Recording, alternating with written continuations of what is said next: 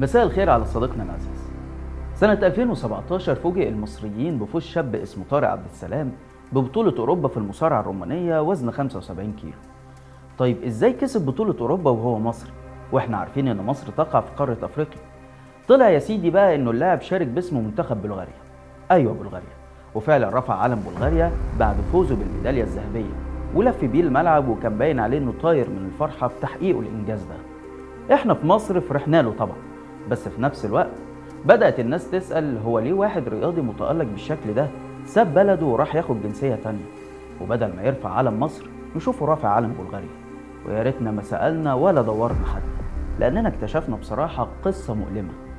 القصة بتتلخص في إنه الراجل ما سابش مصر ولا حاجة. بالعكس مصر هي اللي سابته في أسوأ أوقاته وبأسوأ طريقة ممكنة. طلع إنه اللاعب طارق عبد السلام ده لعب لمنتخبات مصر في مراحل الشباب وكان واضح إنه بطل جديد لأنه حقق لمصر ذهبية الألعاب الأفريقية اللي اتلعبت في الكونغو وفضية ألعاب البحر المتوسط اللي اتلعبت في تركيا وبرونزية بطولة بلغاريا الدولية وبرونزية بطولة العالم للشباب اللي اتلعبت برضه في بلغاريا طب أمال إيه اللي حصل؟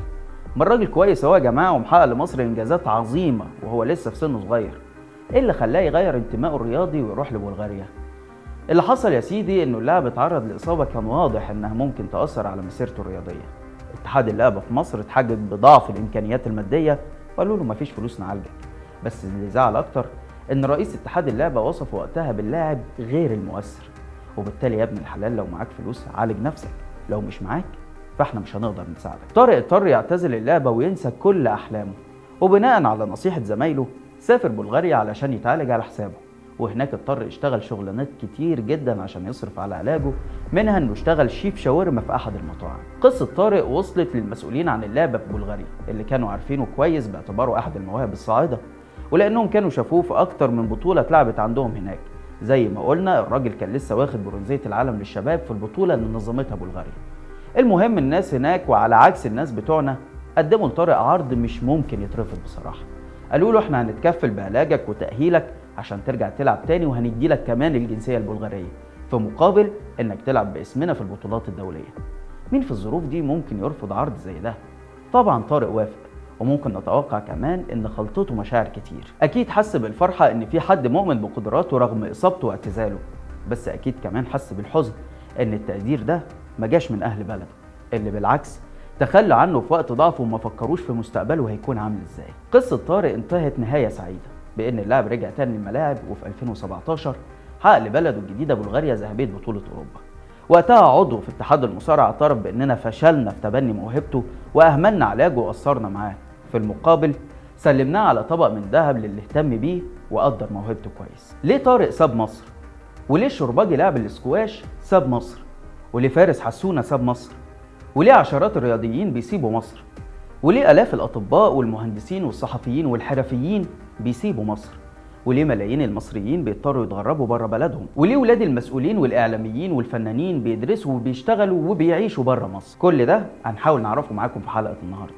أنا عبد الرحمن عمر وده برنامج الحكاية.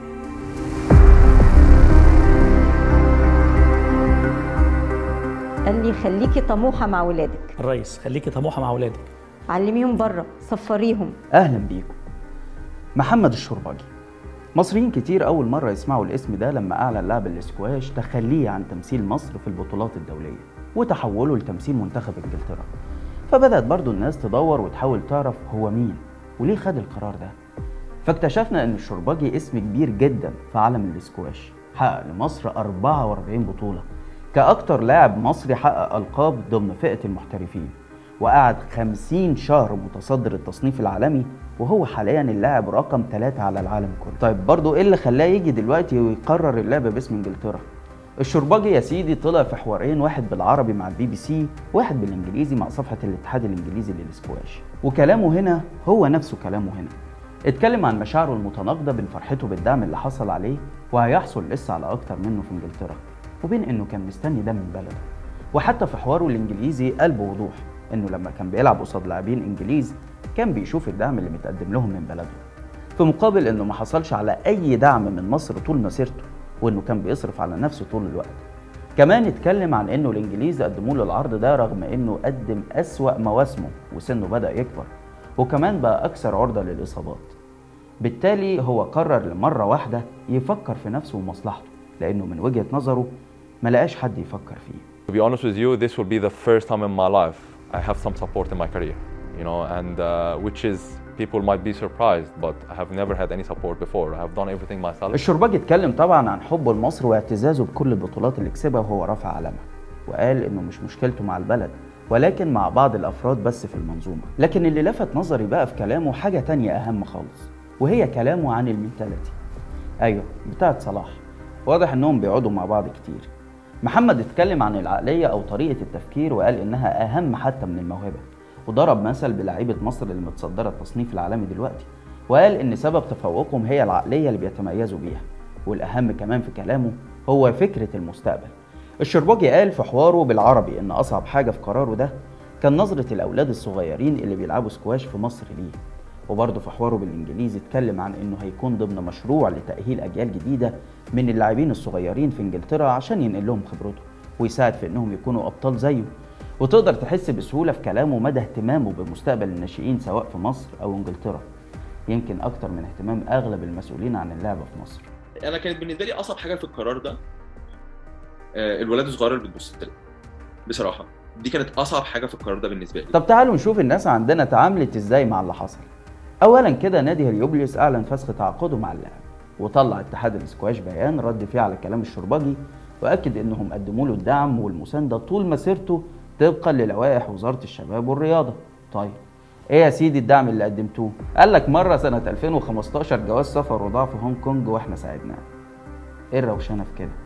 يعني طلعتوا له بدل فائد مثلا؟ هو مش المفروض إن ده الطبيعي في أي دولة ولا دي حاجة سبيشال؟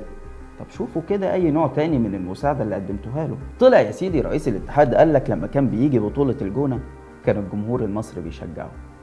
هو اللي قال كده والله. ولما كان بيسافر معانا كنا بندفع له تذاكر الطيران والإقامة طبعا. شفتوا بقى ناكر الجميل اللي الرئيس السيسي كرمه واداله وسام الرياضة من الدرجة الأولى. بعدين يقوم سايبنا ورايح إنجلترا. طب يبقى خلي جونسون بقى ينفعك.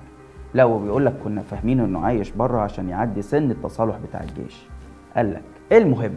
بعد وصلات من التخوين والهجوم على اللاعب الأستاذ أحمد موسى جه على باله يسأل رئيس اتحاد اللعبة عن ميزانية اللعبة اللي مصر مكتسحة كل بطولات على مستوى العالم. فالراجل رد وقال له بالنص كده بلاش الحاجات اللي تكسب دي. وكأنه بيقول لأحمد موسى كده الموضوع هيتكشف خلينا نكمل هجوم على اللاعب وخلاص. ولا أقول لك حاجة تانية ده أنا عندي بدايل أحسن منه. وما أقولكش بقى عندي مروان اخوه سبحان الله حاجة تانية خالص. وكلمني وقال لي يا أنكل أنا غير محمد خالص. ميزانيتكم كام في ال- الاسكواش يا كابتن عاصم؟ فبلاش بقى الحاجات اللي تكسب دي لا ما أنا عايز أعرف الحاجات اللي تكسف دي زيتنا حوالي 5 مليون جنيه دي في الشهر ولا في السنة يا فندم؟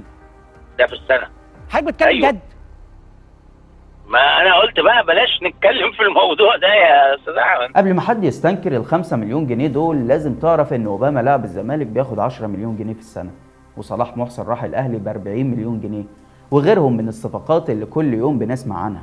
وطبعا مفهوم إن مفيش مقارنة بين لعبة شعبية زي كرة القدم ولعبة نخبوية زي الاسكواش.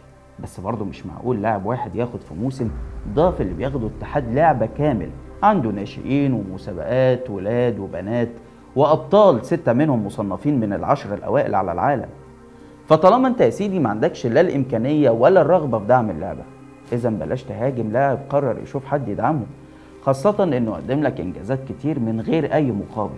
والمهم دلوقتي زي ما أحمد براده قال إنه نشوف باقي اللاعبين لأن كتير منهم عندهم مشاكل وجاي لهم عروض تجنيس من دول عندها القدرة والرغبة في دعمهم بهدف الاستفادة من خبراتهم. كمان في صفحات سيساوية نشرت صورة للشرباجي وهو قال إيه يا سيدي؟ رفع علامة ربع واللي هو بقى كشفناك يا إخوان يا خاين يا عميل. طبعا حقيقة الصورة حاجة تانية خالص. وسببها كان احتفاله مع أخوه مروان اللي هو لغاية دلوقتي وطني بالنسبة ليهم بأن عيلة الشرباجي حققت أربع بطولات كأس عالم للناشئين. وعشان نقطع الشك باليقين فتاريخ الصورة دي كان في 2012 أصلا يعني قبل ما تظهر علامة ربع ده غير إنهم شكلهم كده نسيوا إن السيسي كرمه بنفسه. عارفين لو كانوا تابوا نفسهم في التدوير وراه كانوا ممكن مثلا يطلعوا له صورته مع أبو تريكة ويقولوا إن هو اللي وزه الصراحة يا جماعة إنه نغمة التخوين دي بقت كوميدية جدا الحقيقة. وبتكشف قد إيه معاني الوطنية اللي بقت مبتذلة في عهد السيسي وكأنها كده صكوك بنديها بس للي يطبل للمسؤولين ويقول إن كل حاجة تمام حتى لو ما كانتش تمام.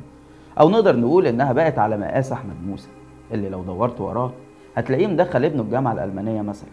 طب ليه ما دخلتوش جامعة حكومية من بتوع وزارة التعليم العالي اللي أنت طول الوقت بتطبل لها زي ما بتطبل لكل حاجة في البلد؟ ولا تحب دلوقتي نقول عليك خاين وعميل والكلام ده؟ لو سبحان الله في دقيقة واحدة وهو بيهني ابنه بالتخرج تلاقي معاه ولاد البشوات اللي مصدعين دماغنا بالكلام عن الوطنية والعصر الذهبي للتعليم المصري في عهد السيسي. طبعا الأستاذ مكرم كان حفيدته أيضا بتتخرج يومها عدد كبير كمان الأستاذ ثروت خرباوي أيضا كان بنته مع موجودة أيضا بتتخرج مع في ضمن هذه الدفعة. وكمان ما ننساش ولاد المسؤولين والإعلاميين والفنانين اللي رغم إنهم بيتمتعوا بامتيازات معروفة في مصر إلا إنه كلهم تقريبا يا إما معاهم جوازات سفر أجنبية إشي أمريكاني وإنجليزي وألماني وفرنساوي؟ يا إما قاعدين هناك يتعلموا ويشتغلوا ويستمتعوا بحياتهم بعيد خالص عن الحياة اللي عايشها أغلبية المصريين بسبب نفس المسؤولين دول. يا راجل ده وزيرة الهجرة ابنها نفسه مهاجر. وطبعا عارفين الهوانم اللي بيسافروا ولاده في أمريكا عشان يدوا لاولادهم الجنسية وبعدين نستضيفهم في التلفزيون. يكلمونا بقى عن عظمة الرئيس السيسي وجمال مصر في عهده. لا والأمر من كده الممثل اللي اتجوز في السر وودى مراته أمريكا تولد. وبعد كده طلع قال لك والله العظيم ما ولادي ثم نتفاجئ بقى بالباشا بعد كل اللي عمله ده. طالع في مسلسل الاختيار يدينا إحنا بقى دروس في الوطنية. على رأي المعلم رضا عجبت لك يا زمن؟ واخد بالك انت يا أحمد عز؟ جت منين فكرة إن إحنا نخلف في أمريكا؟ منه. من كويس. لأن هو راح أمريكا قبل كده كتير ورحنا في شهر العسل. لا والاغرب كمان صحيفة منزلة خبر عن الشربجي وكاتبة منشط بيع يا عواد. يا راجل ده نعرف واحد باع حتة من أرضه لبلد تانية ومؤيدينه نزل الشارع بإعلام البلد التانية دي وصبيانه في البرلمان هتفوا باسمها. وما قلتوش عليه خاين ولا حاجة. يعني اللي بيبيع طيران وصنافير تعتبروه وطني واللي يلعب سكواش باسم إنجلترا يبقى خاين وعميل. وبمناسبة بقى الكلام عن زملائنا الصحفيين أحب أفكركم بس بحال الصحافة في مصر واللي خلى مئات ويمكن آلاف الصحفيين يدوروا على فرص شغل بره. وبقت المنصات الخارجيه بالتحديد معتمدة بالكامل تقريبا على المصريين. لدرجة إني شفت صحفيين مصريين عشان أكل العيش كاتبين مواضيع في موقع إماراتي عن إيجابيات سد النهضة. فأنا بقول بقى تخلوا الطبق مستور. ده طبعا غير الكلام عن هجرة الأطباء المستمرة بشكل غير طبيعي. يا راجل ده نص أطباء مصر شغالين في دول بره. والأزمة بقى انه الأطباء الصغيرين اللي لسه متخرجين بقت عينهم على طول على المعادلات والسفر. إنجلترا وألمانيا بالذات بقوا بيستقبلوا آلاف الأطباء المصريين سنويا. امتحانات المعادلة البريطانية بتتعمل في القاهرة واسكندرية مرتين في السنة. آلاف الأطباء المصريين حتى بيسافروا يشتغلوا في جزر المالديف وفي دول أفريقية. لأنهم في كل الأماكن دي بيلاقوا تقدير مادي ومعنوي حقيقي وبيلاقوا كمان بيئة شغل مناسبة تسمح لهم إنهم يكملوا مذاكرتهم ودراستهم. مش رئيس بيقول لهم يعمل إيه التعليم في وطن ضايع؟ ولا أجيب لكم منين وأنتوا فقراء قوي بس في نفس الوقت هو بيبني لنفسه أصول رئاسية وبيشتري طيارات وبيصرف مليارات على مشاريع مش بتفيد أغلبية المصريين. في حين إنه لو اتصرف نصها مش هقولك بقى على السكواش أو الرياضة لأ. على الأقل نصرف على التعليم والصحة. لو اتصرف نص الفلوس دي ولا حتى ربعها على التعليم والصحة البلد فعلا هتكون في حتة تانية. إنما للأسف الوحيد يمكن اللي مش بيساير موجة الوطنية في الحالات دي هو السيسي نفسه اللي عنده اعتراف غريب بالواقع المأساوي. وبدل ما يغيروا يا سيدي لا. بيرفع شعار أبجني تجدني وبيطلع يقول علنا كده إن إحنا هنديكوا العقول بتاعتنا بس والنبي بيفتكرونا بنسبة كده من الإنجازات اللي هيحققوها لكم ما تيجوا نتكلم معاهم ونقول لهم لما يكون عندنا عقل متميز هنبعته لكم وينجح في بحث علم ما. ما تدونا نسبة من عقله. ده ابننا وعلمناه عندنا وأتحناه لكم.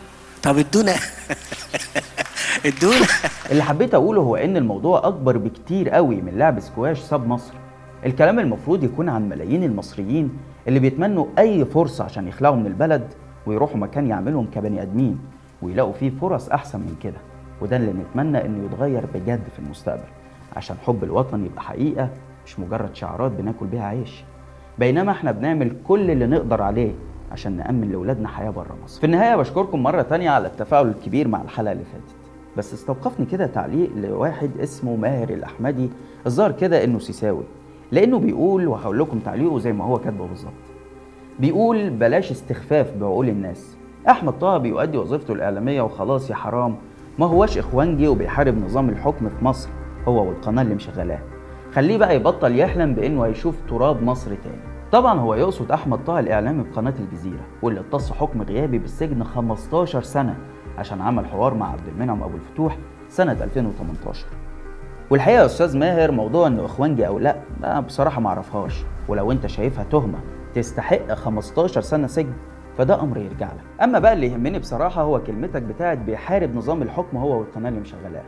لأن أفتكر إن ده يستحق إنك تفكر شوية.